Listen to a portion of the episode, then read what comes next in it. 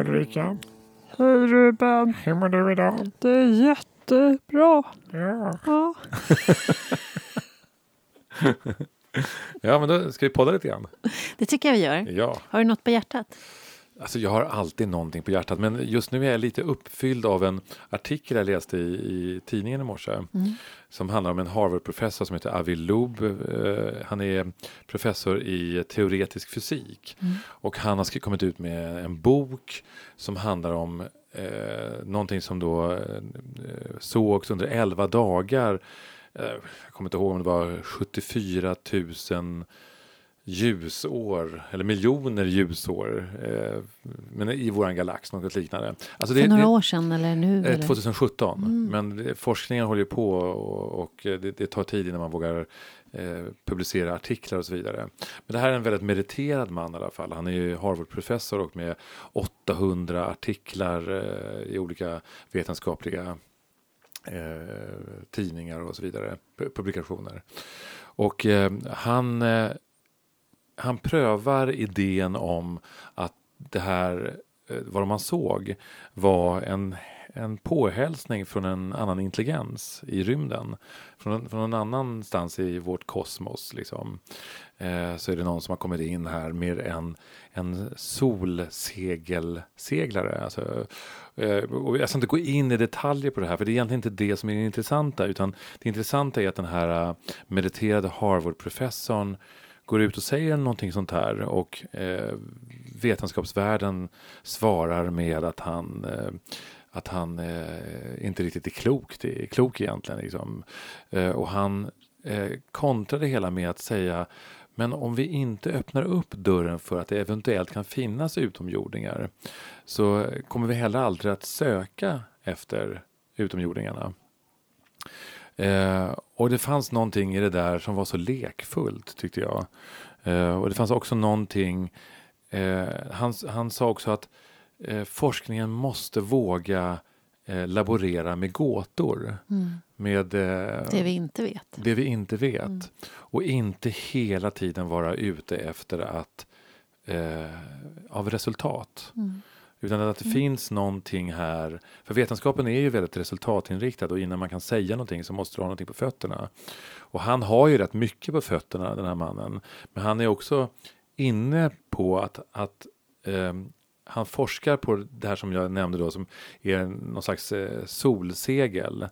Eh, som låter helt fantastiskt.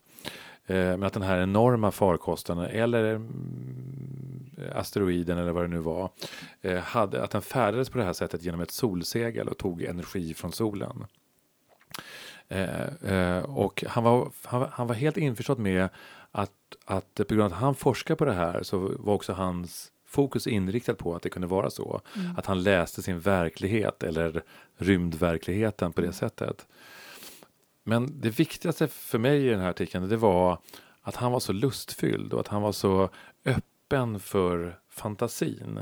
Och att eh, jag, jag själv kan uppleva ibland att, att i vårt samhälle att vi eh, trots allt eh, att vi har utvecklats. Det var ju en gång i tiden där fantasi var likställt med att, att man ljög. Mm. Eh, och så är det ju inte idag.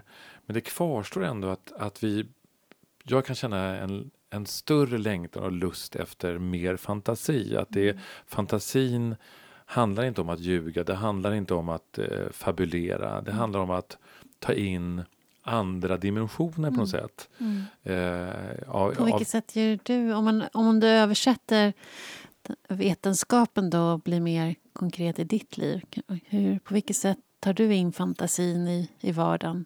Är det så? Finns det möjligheter att göra det? Ja, men jag, jag tycker det. Eh, jag tycker att, att eh,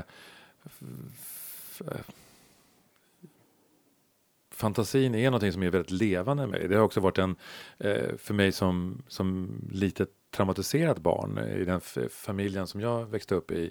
Där var fantasin en räddning. Det var en, en intelligens att gå in i fantasins värld liksom, för att överleva det som inte var förståeligt i verkligheten.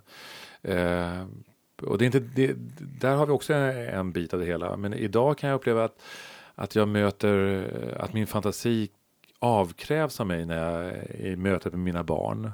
Inte minst. Eller med min hund. Eh, men också i att, Avkrävs, då? Nej men avkrävs, det lät ju väldigt. Att, att, att, att, för att kommunicera på ett bra sätt så eh, tycker jag att, att, eh, att mö, mina möten med barn till exempel, Mm. eh, eh, att, eh, men också med vuxna, Mm. eh, att när, när jag tillåter mig att vara fantasifull Mm. eh, så är, blir det också någonting betydligt mer ledigt. Mm. Och eh, ofta tycker jag också att, att problem, problemlösning eh, när den sker på ett fantasifullt Mm. sätt oftast blir mer kreativt och oftast hittar man rätt Mm. också. Eh, och det var lite grann det som jag tänkte när jag läste den här artikeln att det var så, det var så fantastiskt att en sån här, en sån här man i teoretisk fysik Mm. eh, efterlyste fantasi. Fantasi, ja. När, när du berättar så tänker jag eh, någonting som jag skäms lite för. Jag minns för många år sedan så var jag och simmade i Indiska oceanen med mina barn. Och min dotter var fem år och min, hon hade extremt mycket fantasi. Eh, det var alltid fantasi. Så att det hände väl att jag sa att men, nu måste vi ändå... Nu är det det här som gäller. Liksom. Nu pratar vi om det här. Och så simmade hon runt där och så stötte hon på en tant som pratade svenska som hon pratade med. Och så hör jag, simmar lite längre bort, så hör jag henne säga så här! Ja, så hade hon berättat någonting. Fast mamma säger att jag ljuger. Och så sa den här kvinnan, vet du vad? Du ljuger inte, du fantiserar. Och det är jättebra. Det var en läxa för mig. Mm. Det tog jag verkligen med mig. Det gick rakt in i magen. Mm. Och sen tänker jag att, att för min egen del, jag, tänker, jag använder fantasin jättemycket till, jag dagdrömmer väldigt mycket. Så alltid när jag ska göra någonting som är jobbigt, det kan vara allt ifrån att ha ett samtal eller eh, göra någonting i mitt arbete eller så. Ja, men det är alltid så att jag fantiserar kring på alla möjliga sätt hur det här ska gå till på det mest märkliga sätt som det kan göra. För det gör mig trygg. Mm. Eh, och att jag, jag har gått igenom scenariot i alla möjliga, dess omöjliga former.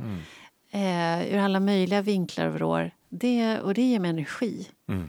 Så jag tänker att det oavsett om vi pratar vetenskapen eller politiken Mm. eller vår vardag. Eh, hur, hur viktigt det är att vi bjuder in fantasin, tänker jag. Mm. Men det, det är inte enkelt, för det, inte- finns inte så mycket förutsättningar omkring oss där, Nej. där det är självklart. Nej, precis. Vi har en gäst. Ja.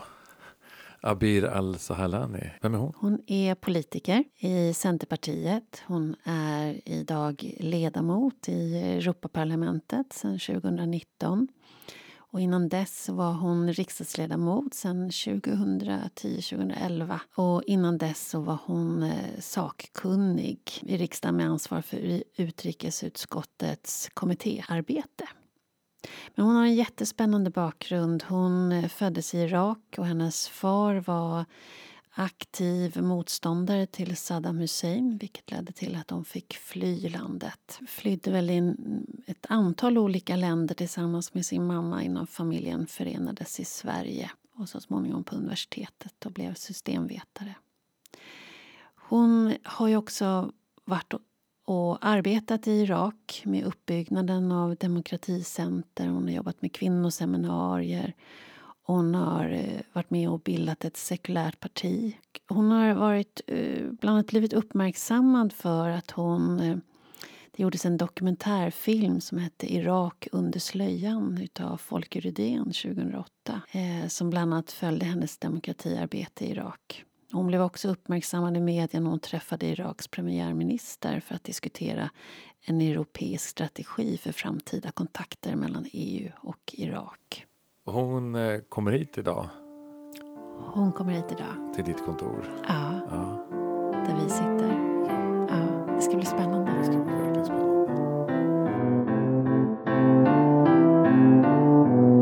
Varmt välkommen Abir till poddmogna. Ja, Helen Wessa Helen. Wow, någon har läst på till och med. Ja, lite grann. Det, det tyder ju på mognad. Eller hur? Att man anstränger sig för någon annan. Välkommen på arabiska. Jag kunde det faktiskt innan. men ja.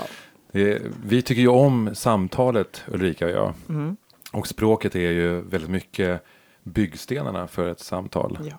Och eh, jag har ofta upplevt att när man kan små, små eh, formuleringar på ett annat språk Mm. så är det liksom lite brobyggande. Ja.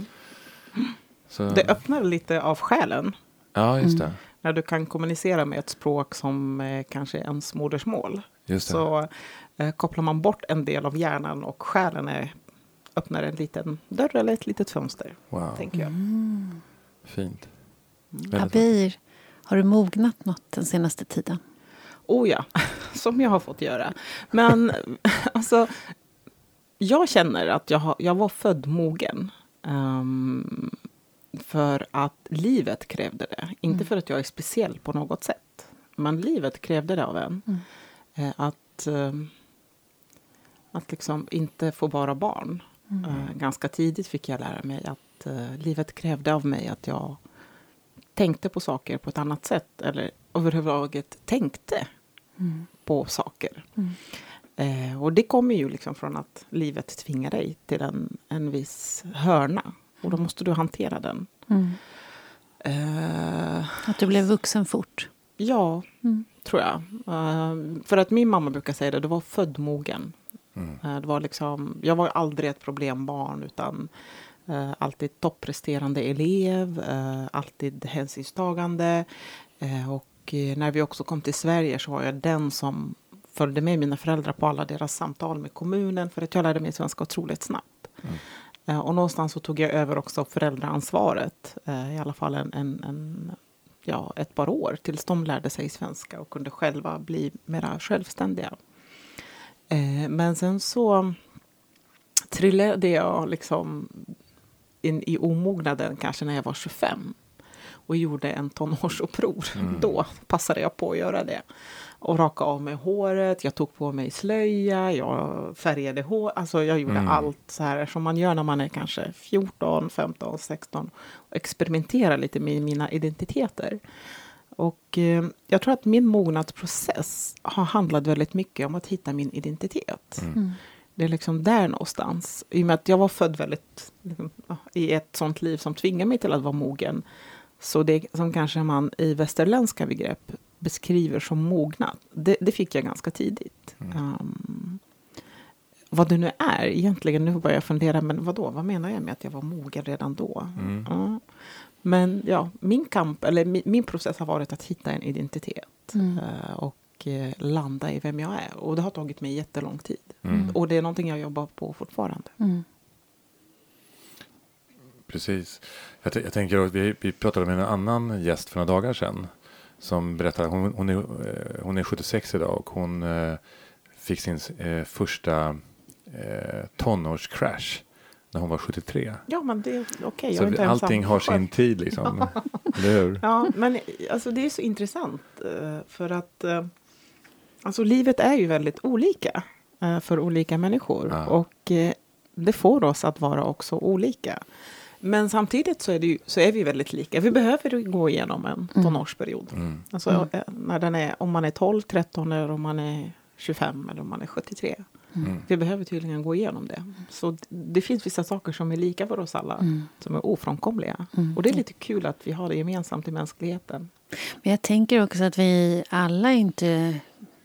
eh, Vi växer i olika takt. I, och alla växer inte jättemycket. Så det, jag tänker att det ser väldigt olika ut vilka förutsättningar vi får för att mogna och växa. Men när du säger att jag, jag eh, föddes mogen, jag tvingades att bli vuxen snabbt. Eh, men på frågan om du har mognat den senaste tiden sa du ja. Ja. Så vad är, det, vad är det som har hänt en mogen kvinna den senaste tiden som fick henne att mogna ännu mer? Ja, att få barn var ett stort steg för mig i livet. Jag skaffade ju barn väldigt sent för att jag bestämde mig ganska tidigt att jag vill ha barn. Eh, man var ju sekundärt, men jag ville ha barn. Eh, kärleken var sekundär, to be honest, alltså för att vara väldigt uppriktig. Men jag ville ha barn. Eh, jag ville, för att jag vill också ha barnbarn. Och Mm. gå till simhallen med och, och lära måla och rita och sådär. Det, det ville jag. Mm. Det visste jag. Det tog mig jättelång tid och, och, och jag visste att jag ville ha dem med en pappa också. Mm. Så det visste jag liksom också. Mm. Så i förlängningen ville jag ha familj. Eh, och eh, det tog mig lite tid att hitta en som var villig att stå ut med mig, höll jag på att säga, men också att, eh, att uh, vilja skaffa barn med mig. Och, så jag, jag var ganska gammal, liksom, Mm. eller ja, jag var 38 när jag fick Mm. mitt första. Mm. Och eh, det var ju ett steg i en mognadsprocess som jag inte hade räknat med. För att jag Mm. trodde att jag skulle för alltid vara Abir som vanligt. Mm. Som var 37, liksom, eller hon som var innan. Men ah, vad fel jag hade. Mm. Eh, för att när du får barn så förändras ju väldigt mycket i ditt tankesätt. Och där tycker jag att jag fick mogna till ordentligt. Ehm, på något sätt så var inte jag längre eh, centrumet av mitt universum. Utan det kom liksom någon annan Mm. som var det. Mm. Och eh, jag vet att det låter klyschigt men det var ju en otroligt bra läxa. Mm. Eh, en väldigt nyttig läxa för mig. Ehm, jag vet inte hur det är för andra men för mig var den det. Mm. Jag känner igen Eh, den. Det också. Ja, och sen så liksom de förlossningarna och graviditeterna var jättebra. Och sen så 2019 i december hade jag min sista förlossning då.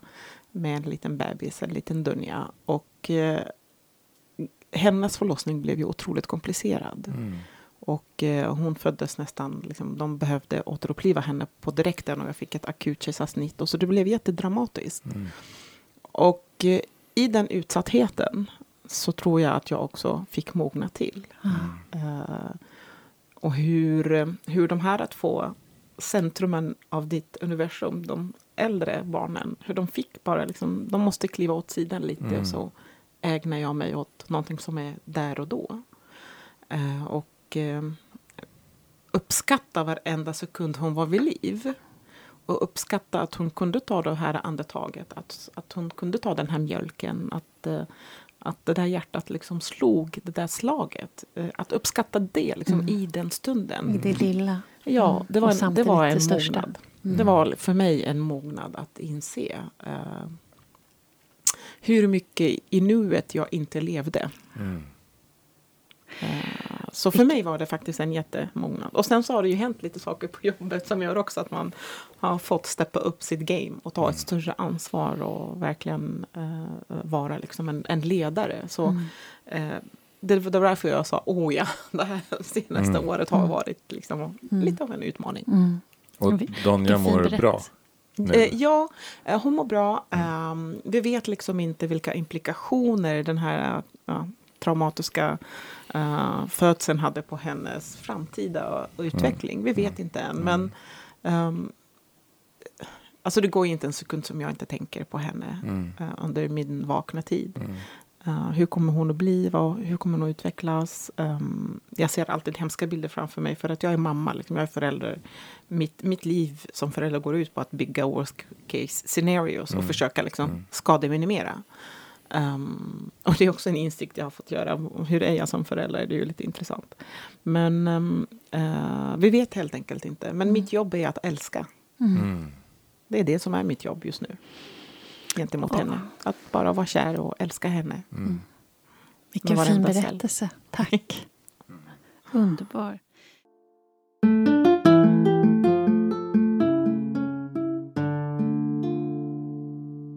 Du, när vi läser om dig så då tänker jag att, att du är överlevaren personifierad. En eh, frihetskämpe.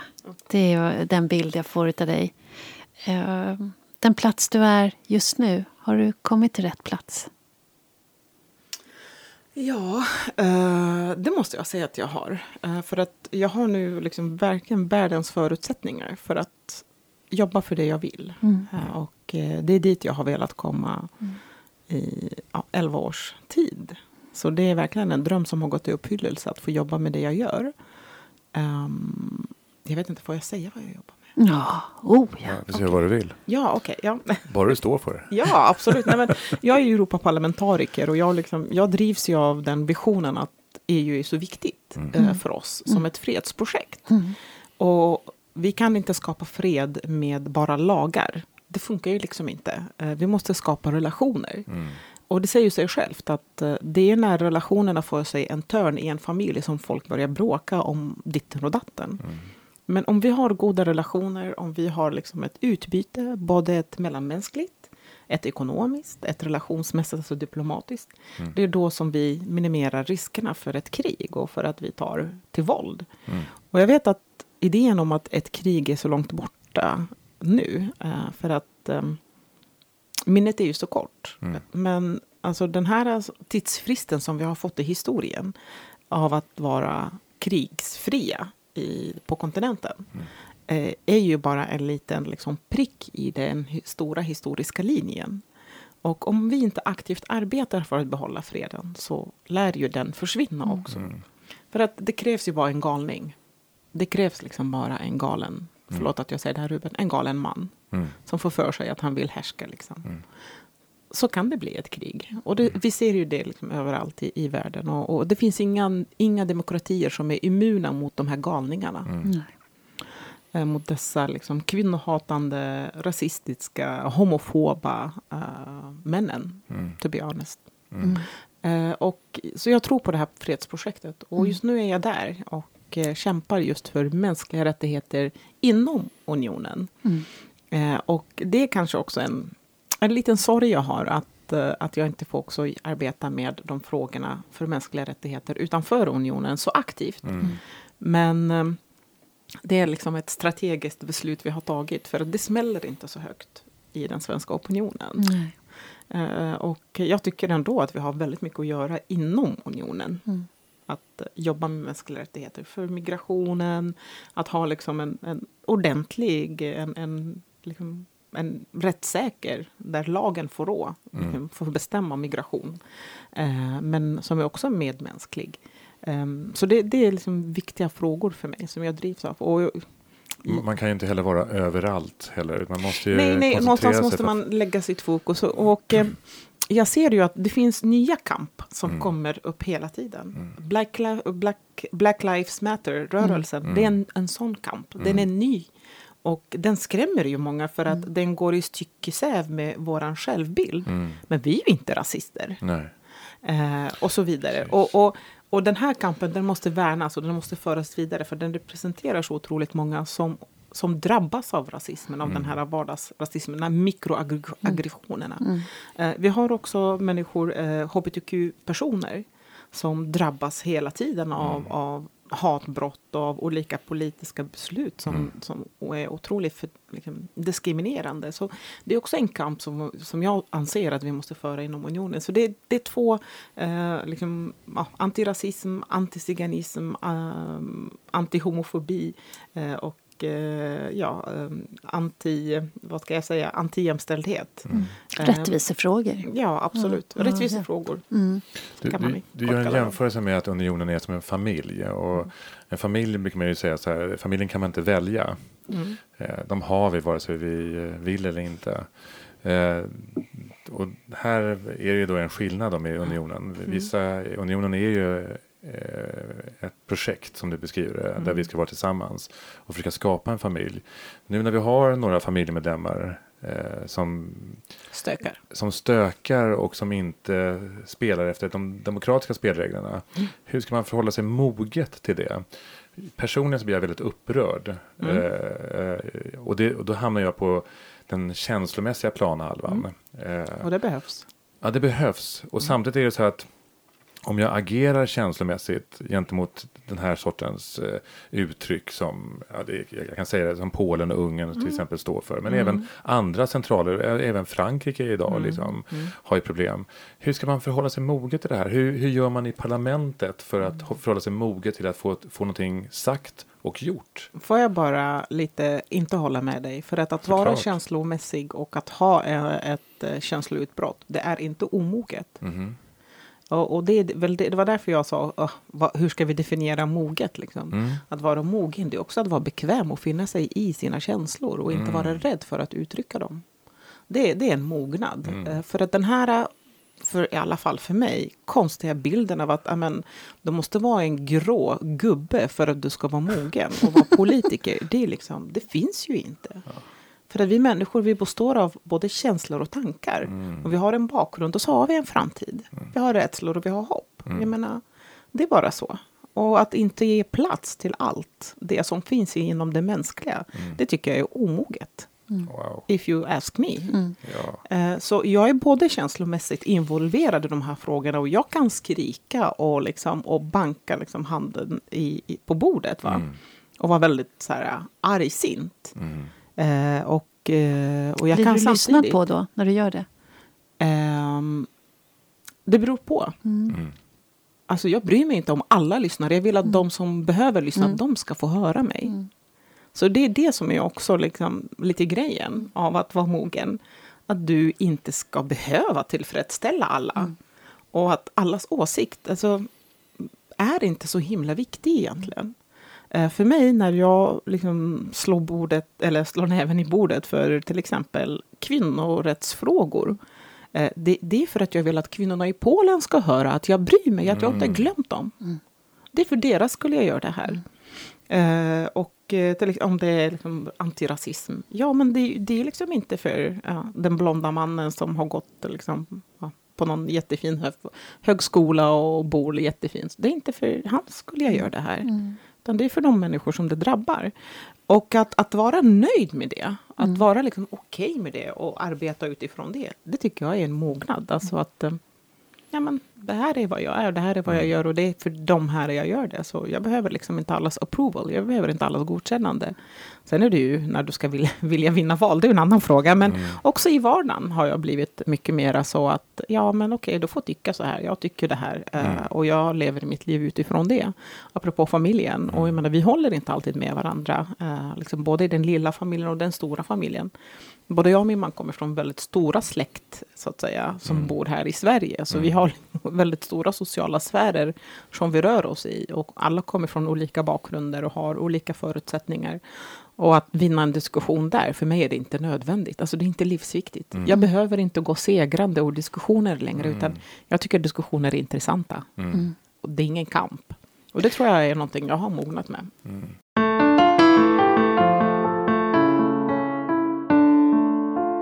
läste någonting som du hade berättat att eh, 2003 så får du tillbaka till Bagdad för att engagera dig i demokratiarbetet. Och då har du sagt att du noterade att folk stirrade på dig när du kom gåendes eh, på gatorna. Och du konstaterade att det berodde på att din rygg var rak. Ja. Till skillnad mot många andra kvinnor. Mm. Och då tänkte jag när jag läste det, hur kom det sig att din rygg blev så rak? Var har du fått din raka rygg?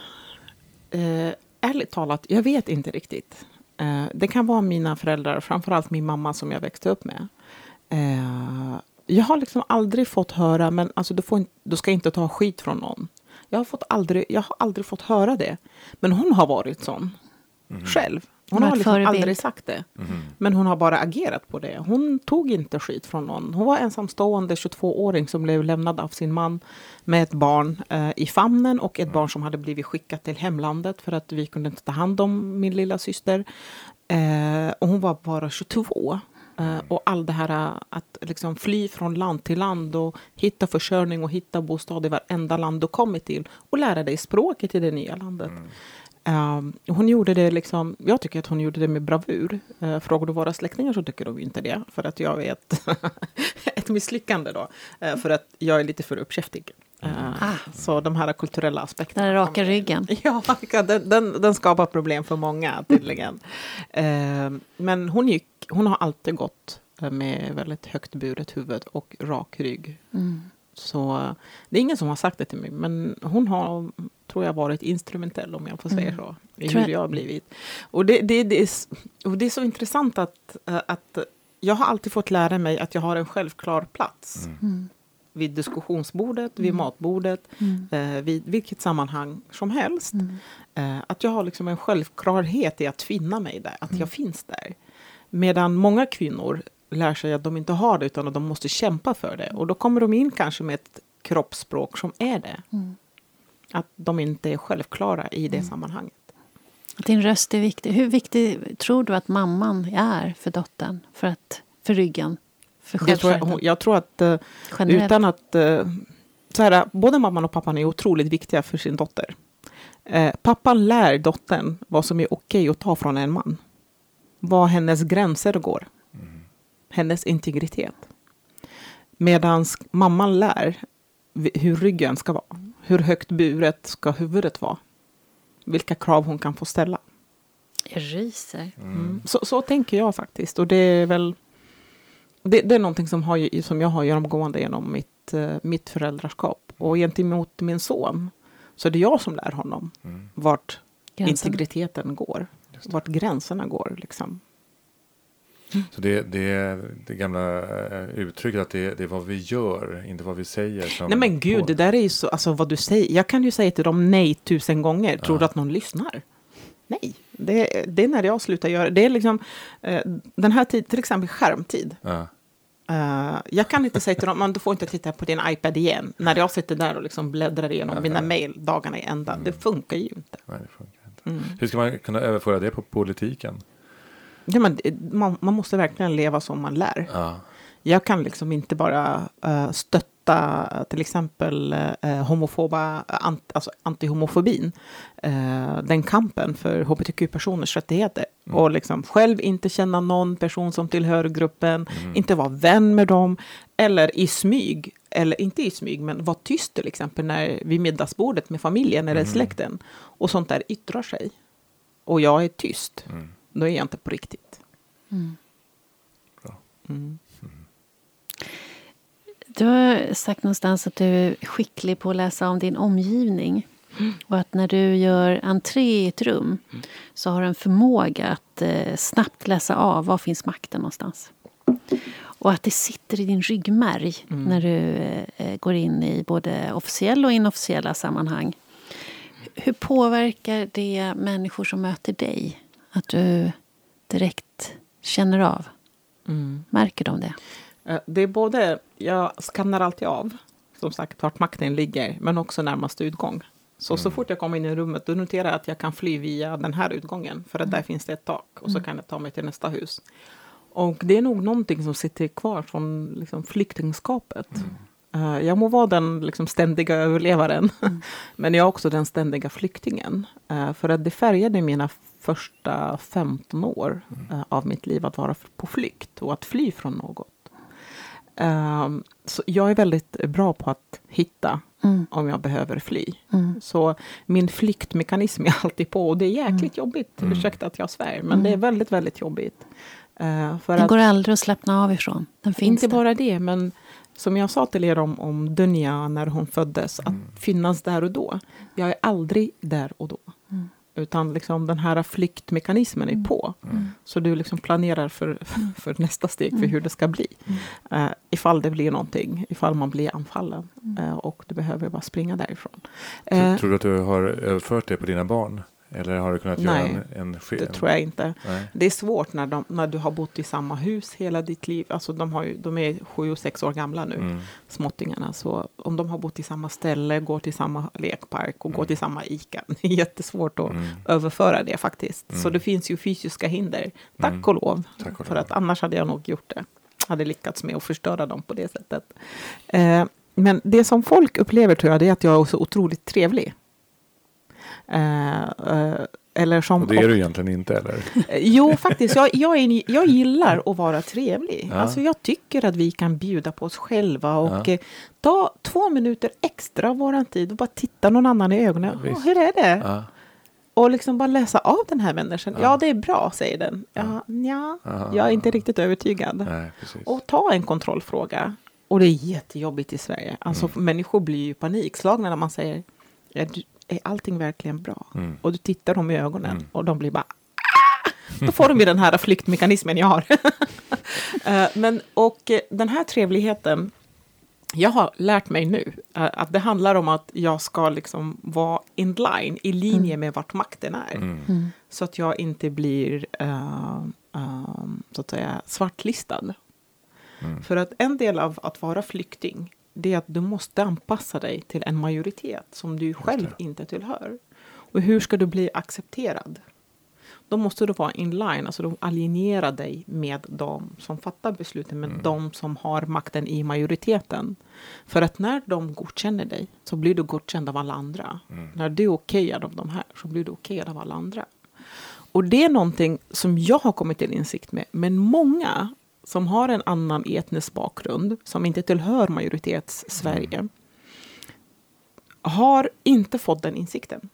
Att de internaliserar egentligen rasismen. Mm. Så att de liksom går in i linje med makten och så hatar de på de som ser ut som dem Mm. för att få ännu mer bekräftelse från de, de som har makten.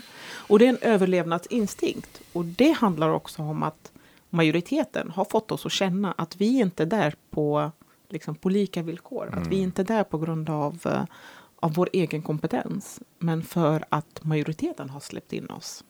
Det Men det finns. Alltså. Det finns precis samma teorier i genusteorin när man tittar på kvinnor och män. Det finns något som heter heterosocialisering, det vill säga att kvinnan socialiserar sig med mannen med makten. Och så säger man att nej, det har aldrig funnits några glastak. Ja, Vi är jättejämställda, det är bara upp till mig att bevisa min kompetens. Brukar man prata att det blir en överlevnadsstrategi för att vara, komma, komma få lite makt. Liksom få lite del av det. Approval. Godkännande. Men, men jag få tänker tillhöra. Att få tillhöra och få lite, lite mandat. Mm. Eh, Men jag tänker, jag som är uppvuxen i en, en helt annan miljö på 70-talet i Sverige. eh, Det var väldigt mycket demokratiprojekt. Barn var, hängde med överallt. Och jag har ju blivit precis tvärtom. Eh, I, när jag var, tidigare var vd för en konsultbyrå så skrattade alltid mina anställda åt mig. För när vi klev in till kunden så hade jag alltid noll koll på vem som satt på budgetansvaret. Jag kunde inte läsa av det. Men jag var snabb att se vem som satt på idéerna. Och kunde utveckla dem. Det fokuserade Men jag tappade ju hierarkin. Jag kände inte av den. Så att jag är, och tyckte det var, eh, förstod inte hur de andra gjorde. För det kunde de betydligt bättre.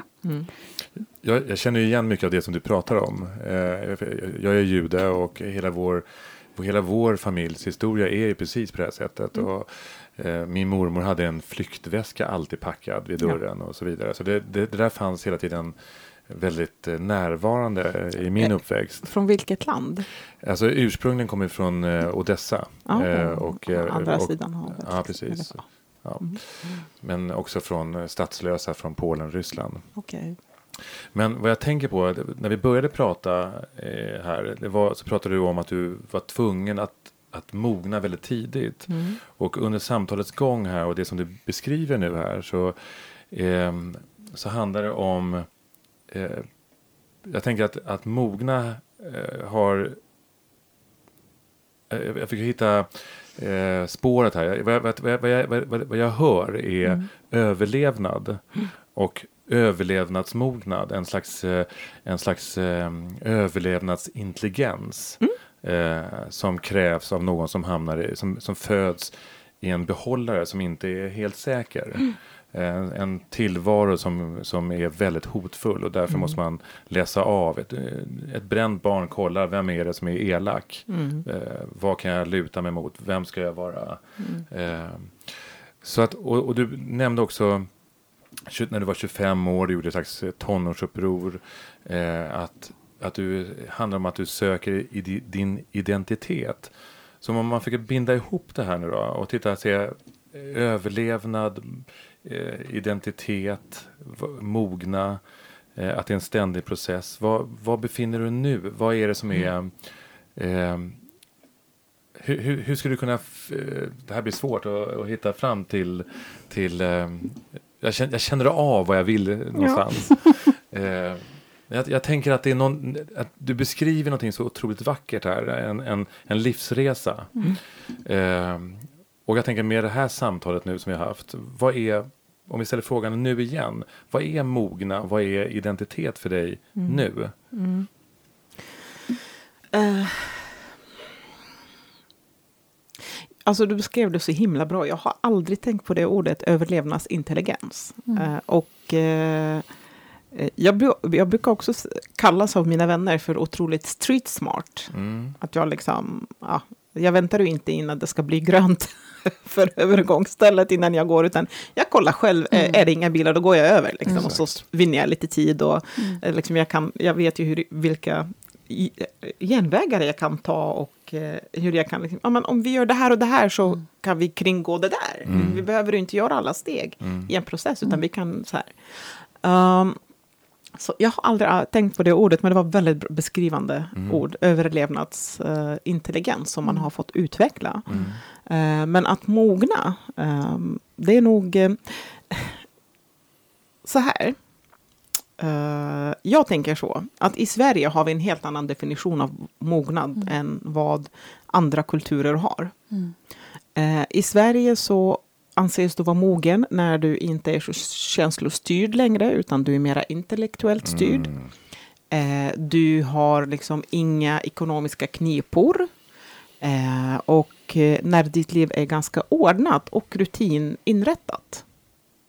Det, det är någonstans liksom det jag tror i alla fall vad man anser vara mognad i Sverige. Så har det nog varit väldigt mycket. Ja. Körkort och Ja. hemförsäkring och en villa. Flytta när man är 18 hemifrån och så liksom, ja, skaffa sin, eh, sitt första jobb och, ja, Mm. och sådär. Mm. Det är, liksom, det är de här milstolparna Mm. man har för att beskriva en mognadsprocess. Och sen är det liksom Volvo, villa och vovven och, så vidare. Va? Eh, och sen så går det i pension och ja, så ska du ta hand om barnbarnen i bästa fall. Eller så bara tinar du bort liksom. Eh, som många lever med i mindre orter. Där man inte har så mycket aktiviteter. Och jag anser att de där milstolparna ehm, är inga mognadsstolpar. Mm. Alltså det är bara liksom livsstolpar, så att säga.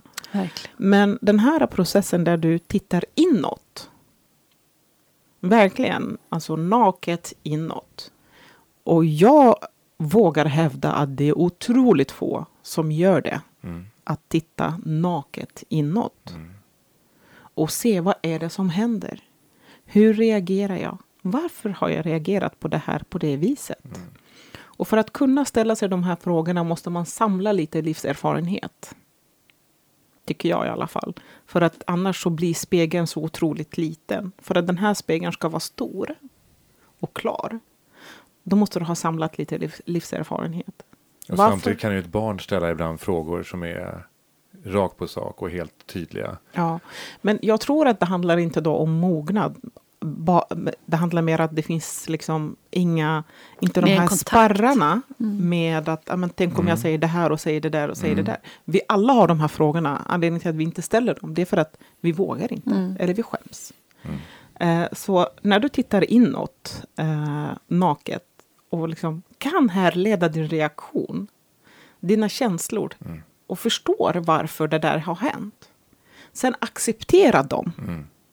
Mm. Verkligen acceptera. Ja, men jag är så här. Jag reagerar så här.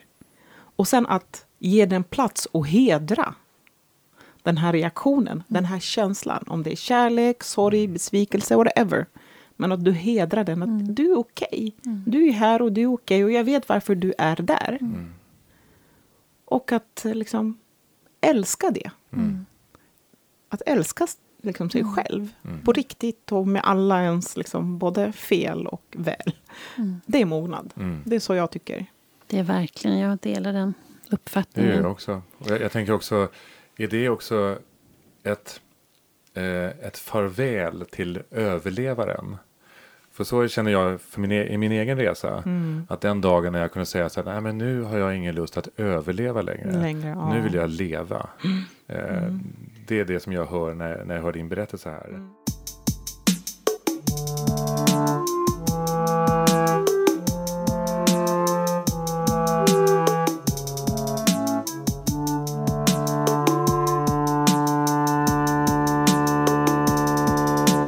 Ni, ni sa ju att jag åkte tillbaka till Irak 2003 Mm. och där var jag i fyra år. Eh, Till historien hör att jag lämnade Irak när jag var ett och jag Mm. levde i exil i 26 år. Mm. Så eh, jag åkte tillbaka, jag är 27, eh, ganska ung eh, i, i sammanhanget då. I, i, den, I den sfären där jag befann mig väldigt mycket i, nämligen den politiska, där det var bara män som var mycket äldre än jag. Mm.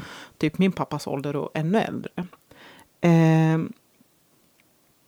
Eh, där, det, det var en speciell tid i mitt liv. Liksom. Bo, dels för att det var så mycket terror som pågick på Bagdads gator.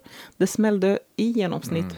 tio bilbomber om dagen och det, tog, det dog hundra personer om dagen i två års period av min tid som var där. Så det var en väldigt speciell tid. Eh, och Fruktansvärt. Ja, men alltså, det, det finns nog, alltså det, det finns inget annat land som har gått igenom det här, kan jag säga faktiskt. Eh, och eh, när, min situation blev ohållbar där så var jag tvungen att komma tillbaka till Sverige. Eh, jag kände att mitt arbete där inte var klart, men jag var tvungen för att kunna leva, för att överleva. Och när jag kom tillbaka så efter ett par år i Sverige eh, så köpte jag också min första bostad. Och eh, där, då bestämde jag mig, men nu är Sverige mitt hem. Mm. Eh, och när jag hade bestämt mig för det så släppte jag en del av mitt bagage, men inte allt. Eh, och eh, när jag väl också blev bekväm med mitt val. eh, Och, och, jag ska bara säga en så här sticka lite på sidan här, ett sidospår, att det är inte många av de som kommer att höra på den här podden som väljer aktivt att ha Sverige som sitt hem. Mm. Utan man är född här och man bara gör som alla andra har gjort. Mm. Som sin mamma och pappa och alla andra. Mm. Men jag har gjort ett aktivt val. Mm. För att jag vet varför jag vill bo här. Mm. Jag vet varför jag vill vara en del av det här samhället. Mm. Jag vet vad jag kan bidra med. Mm. Och därför så gjorde jag det här valet. Och när jag gjorde det här valet som sagt och, och liksom, ni vet, bara gosade mig in i det lite grann. Så bestämde jag mig också att aktivt välja lycka. Mm. Underbart. Och det är någonting som jag trodde, jag läste det någonstans, att du måste aktivt välja att vara lycklig. Mm. Du kan inte förvänta dig att det bara sker av sig självt. Det är Dalai Lama som säger. Är det? Mm. Okej, ja du ser. Eh, så ja, nå- någon har ju lyssnat på tydligen. Och, och Abir. Och Abir. Men du Abir, jag måste Nej. bara få hinna fråga innan vi avrundar. För jag tycker det är så intressant. För du, du har varit med om, du nämner nu 100 människor, 200 människor som dog. Eh, och, och Varje du, dag. Varje dag. Och du har beväpnat dig, du har varit i krig, du har varit eh, jagad. Och så var du med om en sak här i Sverige för några år sedan. Du var med om ett, ett drev där du blev ifrågasatt. Om det, det var, handlade om eh, ekonomiskt brott som sen reddes ut och det, du eh, blev friad i detta. Så det, så. Men det du sa då, som jag läste, det var att allt vad du har varit utsatt för och varit med om i ditt liv så var det här ditt största trauma. Av att känna att din heder eh, och, ditt uppsåt blev ifrågasatt. Mm. Kan inte du säga någonting om det? Ja, men det är att väldigt det blir enkelt så viktigt. egentligen. För att Ruben här, han sa att han, han liksom släppte överlevargrejen. Mm. Han släppte sin ryggsäck. Mm. Så då är han inte rustad längre. Mm. Och jag har ju försökt göra detsamma. Mm. Att eh, liksom, i min trygga vrå, i det som jag hade valt att vara mitt hem, Mm. att där liksom bli attackerad. Mm. Jag hade ju inte med mig min ryggsäck, jag hade Mm. bestämt mig. Och det var då jag tog på mig den igen. Inte hela kittet, men Mm. lite av, min, av Mm. mina verktyg. Mm. Eh, för att, eh, och det är lite hemskt att säga, att det blev en bekräftelse egentligen på att jag behöver nog ändå vara på tå. Och det är en, eh, det är nog en sanning, en verklighet som många med eh, en annan etnisk bakgrund lever med. För att Mm. vi blir ifrågasatta på ett helt annat sätt än vad majoritetssvenskarna gör. Och likadant mellan svenska, alltså etnisk svenska män och kvinnor. När en kvinna begår ett tjänstefel och en man begår ett tjänstefel, det är ju helt an- Mm. två olika mekanismer. De blir bestraffade på olika sätt av den allmänna opinionen. De blir ifrågasatta av media på ett helt annat sätt och av sina medarbetare. Eh, trots att de har begått exakt samma liksom, fel, eller mer eller mindre samma fel. Men kvinnor blir så långt mer bestraffade. Det, det här appliceras ju också på eh, icke-etniska svenskar. Mm, att när vi absolut. gör ett fel så är det liksom ett helt annat. Mm. Helt, Helt annan meka- skala. Ja, precis. Det Mm. helt, vi, vi mäts med olika mått. Mm. Och eh, jag är liberal och jag vill ju ha ett samhälle som inte bygger på, eh, liksom, på varifrån jag kommer, utan det är vad jag vill som ska vara det viktiga, Mm. som ska vara avgörande. Och det är någonting som jag också jobbar väldigt mycket för. Men vad jag kommer ifrån, vad jag har för hudfärg, vad jag har för kön, vad jag har för sexuell läggning, det betyder fortfarande någonting eh, i samhället. Så tyvärr är, är vi inte i ett, vi lever inte i ett liberalt samhälle, Nej. även om vi är på god väg. Men kampen är inte över. Så någonstans så tog jag på mig min lilla ryggsäck igen, eller min stora ryggsäck. Jag minimerade den till en mindre. Eh, Jag gjorde den lite mindre. Eh, Men också insikten att okej, vi behöver föra den här kampen vidare. Det är liksom bara för att majoriteten säger men alltså, vi är inte så, så stämmer det liksom inte. Eh, utan, ehm, och det här att okej, vi är ju egentligen inte ett liberalt samhälle, men vi kämpar ju för det. Mm. Och det är liksom att, ja, vi kämpar. Mm. Vi gör det här. Men strukturerna är där. Ja. Mm. Jag tänker också att det var- det var ett sånt bra politiskt statement också att man väljer att vara svensk. Ja. Att det är definitionen på att vara svensk eh, Mm. i de här tiderna när man att eh, det är väldigt få som faktiskt gör det. Jag väljer att vara svensk. Ja.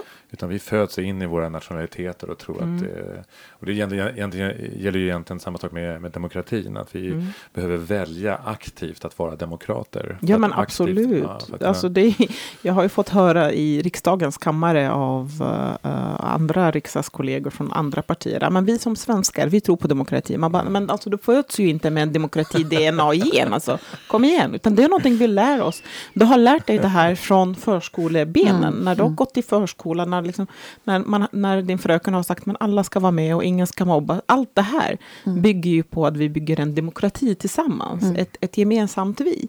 Eh, så det är liksom ingenting man har med sig i blodet. Eh, vi kan ju liksom gå in på historien. Det finns ju väldigt många historiska beskrivningar om Oh. hur Sverige har varit. Eh, Oh, ja. Och liksom var, streck, var drar vi gränsen, strecket? Vad, Mm. vad, vad, har- vad har varit svenskt, vad är inte svenskt?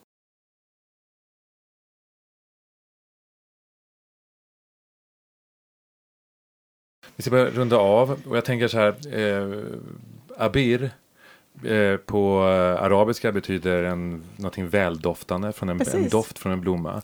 På hebreiska så betyder abir en, en modig människa. Nej, vad kul! Ja, Wow! kanske en, eh, en eh, vad kallas det för då? En med, med rustning, vad heter det? En riddare. Riddare. Wow, till och med ja, det. Ja, Wow, ja. du ser. det Eh, visste jag faktiskt inte. Ja, så att det, det får du av oss. Wow. Att du är en väldoftande riddare Verkligen. Det, i verkligheten. alltså, det nog så många på den tiden. Som är där ute och kämpar. Och du som politiker som brinner för rättvisefrågor och också har mandatet att påverka det. Mm. Om vi då avslutar med en fråga kring hur... Vad behöver vi för förutsättningar för att tillsammans som kollektiv mogna, tänker du? Wow, vilken svår fråga. För att tillsammans som kollektiv, ja. Alltså, vet ni vad jag önskar? Jag önskar att människor var lite snällare mot sig själva Mm. och mot andra människor. Mm. Eh, de, de här orimligt höga ställda kraven eh, på att du ska ditten och datten och det ska vara si och så. Om vi ibland, kanske någon halvtimme om dagen, kunde bara släppa det Mm. och bara få vara Mm. en medmänniska. Mm. Framförallt gentemot dig själv. Mm. För att vi behöver verkligen jobba med självkärlek Mm. i, i det här landet. Mm. Ehm, och inte tro att det bara genom att göra ditten och datten så är jag värd att finnas. Mm. Du är värd att finnas för att du är du. Du föddes så är du värd att finnas. Liksom. Inte för det du gör. Nej, Mm. eh, och jag hoppas att människor lyckas vara lite snällare mot sig själva och mot andra människor. Och liksom bara ge dig tid att lyssna på andra. Ge dig tid att, att ta Samtala. in, att ta in, att samtala. Mm. Liksom, det kostar verkligen ingenting att öppna upp och ta in en annan människa. Det gör bara dig rikare. Eh, och det finns så många berättelser out there. Det finns så många fina människor där ute. Eh, Sverige har otroligt många fina människor. Eh, och låt dem vara liksom vårat Sverige. Inte de här eh, avarterna liksom. Mm. eh, och så. De är inte vårat Sverige. Det är de här fina människorna som kämpar varje dag, som är otroligt snälla, kompetenta, duktiga, drivna på det de gör oavsett om det är att sopa gatorna eller att bygga en dator eller att, att rädda ett liv. Liksom. Allihopa. Eh, och det är det som jag hoppas att vi kan göra. Mer Vi behöver. självkärlek. Mer självkärlek Mm, och ge, och ge till tid för varandra. andra människor. Liksom. Mm, Att få bjud vara in. en del av ditt liv. Det kostar Mm. inget. Mm. Det är bara berikande. Shukran. Tack själva. Tack.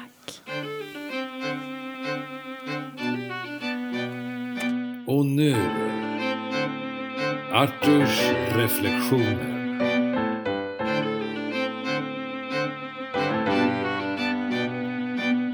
Är jag en fånig vit man som reagerar på det här? Vi landar på Arlanda under covid. Folkhälsomyndighetens rekommendation är att testa sig redan på Arlanda för oss som bor i Stockholm. Det hade faktiskt känts skönt att bara slippa ta väskorna och sticka hem. Nej, nu ska vi göra som man ska. Vi får saklig information och testar oss själva och lämnar sedan provet på plats. Vi får dokumentation om vad som gäller från Region Stockholm. Och dagen därpå får vi ett sms med ett telefonnummer dit vi ska ringa för att få vårt resultat. När jag ringer så hör jag ett språk jag faktiskt inte förstår. Svenska kommer sist och är det åttonde språket. Jag tänker ändå att de flesta som ringer hit borde väl ändå förstå svenska. Jag höll faktiskt på att lägga på luren innan jag hörde mitt svar. Varför kommer det sist? Är det PK vi talar om här? Visst, det spelar ju ingen roll, men gör inte det ändå. Det kan ju vara så också att det har någon praktisk förklaring som jag inte greppat. Men jag är inte så säker på att det är så vanligt att ett lands språk ändå inte kommer först. Jag har även i andra sammanhang funderat på hur lätt vi byter ut svenska mot engelska. Är det någon i yogaklassen som inte kan svenska? En räcker upp handen. Därmed blir klassen sedan på engelska. Är det självklart att det ska vara så? Ja, annars förstår ju inte alla. Så kan det vara. Eller får man följa med på, efter bästa förmåga och plocka upp de ord man förstår? Eller får man gå på det där passet som har en engelsk instruktör? Frågan som heller inte ställs är om någon inte kan engelska. Det är förstås två helt olika situationer, men speglar ändå någon form av bristande självförtroende. Är vi det lilla landet som för att överleva behöver vara flexibelt och anpassningsbart för att klara sig? Ja, det är nog en stor fördel, men vi får inte tappa bort vår egen identitet på vägen. För vem är vi då? Eller är jag som sagt bara en vrång, vit man?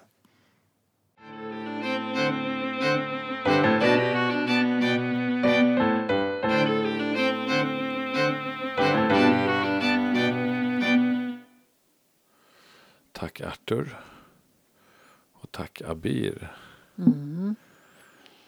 Oj. Ja, vilken resa. Ja. Det, det, det fanns så mycket att prata om. Ja, Och så mycket, det väckte så mycket tankar. ja. Tankar om vad... Alltså, det blev ju väldigt mycket... Vad, vad är att leva, tänker jag. Mm. Och vad är att överleva? Och här fick vi återigen en annan aspekt på vad att mogna kan vara och vad, eh, vad som kan krävas av människor på grund av var man är född också.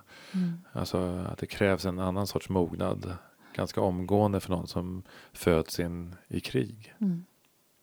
Men också så vackert när hon beskriver att eh, när hon fick sitt senaste barn, här, det tredje barnet, som var så dramatiskt. Mm. Och att hon plötsligt tvingades att vara här och nu. Mm, Att det är nu hjärtat slår. just det. Det är nu. Det är oerhört vackert beskrivet tycker jag. Mm. Så någonting som jag tar med mig det är också att hedra sin sorg. Mm. Är du bra på det? Eh, ja, eh, jag har blivit bra på att hedra min sorg. Jag tycker att förut så tog sorgen över. Mm. Eh, nu tycker jag att jag har integrerat sorgen i mitt liv. Det är en, en lika viktig del av mitt liv som glädjen. Mm. Mm. Jag tycker det är så fantastiskt sätt hon beskriver det på när hon kliver in. Just nu, just här, så är jag i den här sorgen. Mm. Och så känner jag den och så är jag i den och så frågar jag den. Är, är du klar nu? Mm. Därför det är någonting som har hänt med det som vi kallar för vårt civiliserade samhälle. Där vissa saker ska städas ut. Mm. Eh, döden är ett sådant exempel. Mm. Eh, men också sorgen och eh, det som angränsar till galenskap. Mm. Alltså, och då kommer vi in också på psykisk ohälsa. Det handlar inte det här avsnittet om. Men, Nej, men det den biten. Snarare tvärtom. Ja, snarare tvärtom. Mm.